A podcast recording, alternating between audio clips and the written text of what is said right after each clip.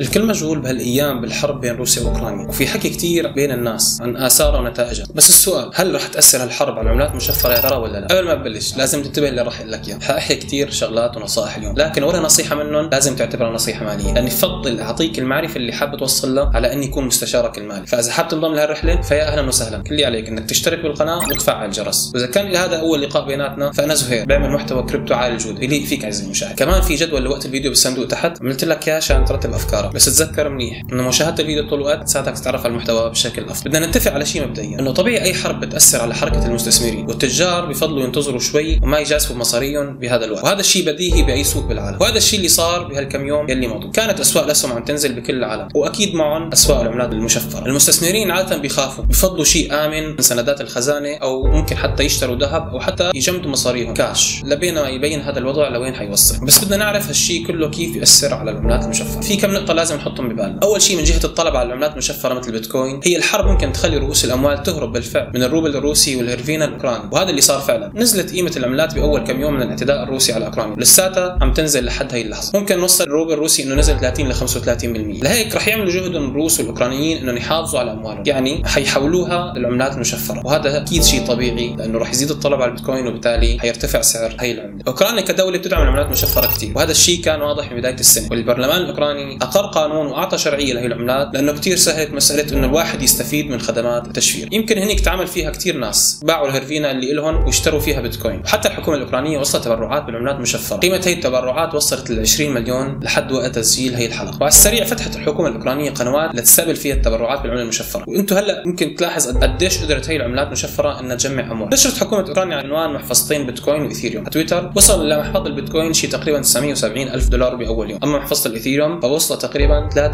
3.9 مليون دولار كتب فيتاليك مؤسس اثيريوم على تويتر انه هو خايف من هالمحافظ اللي عم تجمع مصاري ان هي شرعيه ولا لا بس بعد ما تاكد منها وانها مو مشروع للنصابين حذف تغريدته عن تويتر هي التبرعات اجت سرعه وما وقفت بنفس الوقت اللي ممكن انه هي العملات تساعد الاشخاص انه هن يحافظوا على ثرواتهم فايضا هي ممكن تساعد الحكومات انها تتعامل مع الازمات بشكل سريع اما بالنسبه لروسيا فممكن تكون هي العملات هي الحصن والمكان الامن لانها رح تعاني هلا من العقوبات اللي ما بتسمح لها تتعامل بالدولار ولا بتسمح لها تتعامل بنظام السويفت فهذا الشيء بيخلي تحويل الروبل تبعه للدولار او اليورو حتى يحافظوا على مدخراتهم بالنسبه للحكومه او بالنسبه للشعب تقريبا شيء صار مستحيل اما اذا استخدموا البيتكوين فهالشيء سهل كثير واذا بدنا نحكي عن اسوء شيء ممكن يصير فاذا فصل روسيا تماما عن السويفت العالمي رح يصير تعامل روسيا بالكامل بهي العملات لتقدر تنظم حساباتها بتجاره الغاز اللي بتغطي تقريبا 40% من احتياجات اوروبا كلنا وصلتنا الاخبار عن العقوبات لبوتين ورفقاته فهدول الناس اكيد رح يدوروا على بديل امن لحتى يحافظوا على ثرواتهم الهائله وما يقدر حدا يوصل من البلدان الثانيه خوفا من العقوبات مع هيك ممكن يصير تاثير على شبكه البيتكوين لانه الحرب ممكن تعطل الشغل بمناجم البيتكوين البيتكوين مناجم التعديل الموجوده بروسيا واوكرانيا مع بعض حرب روسيا واوكرانيا حيسبب اكيد ارتفاع باسعار النفط والطاقه وشفنا قديش هلا تقريبا ارتفع برميل النفط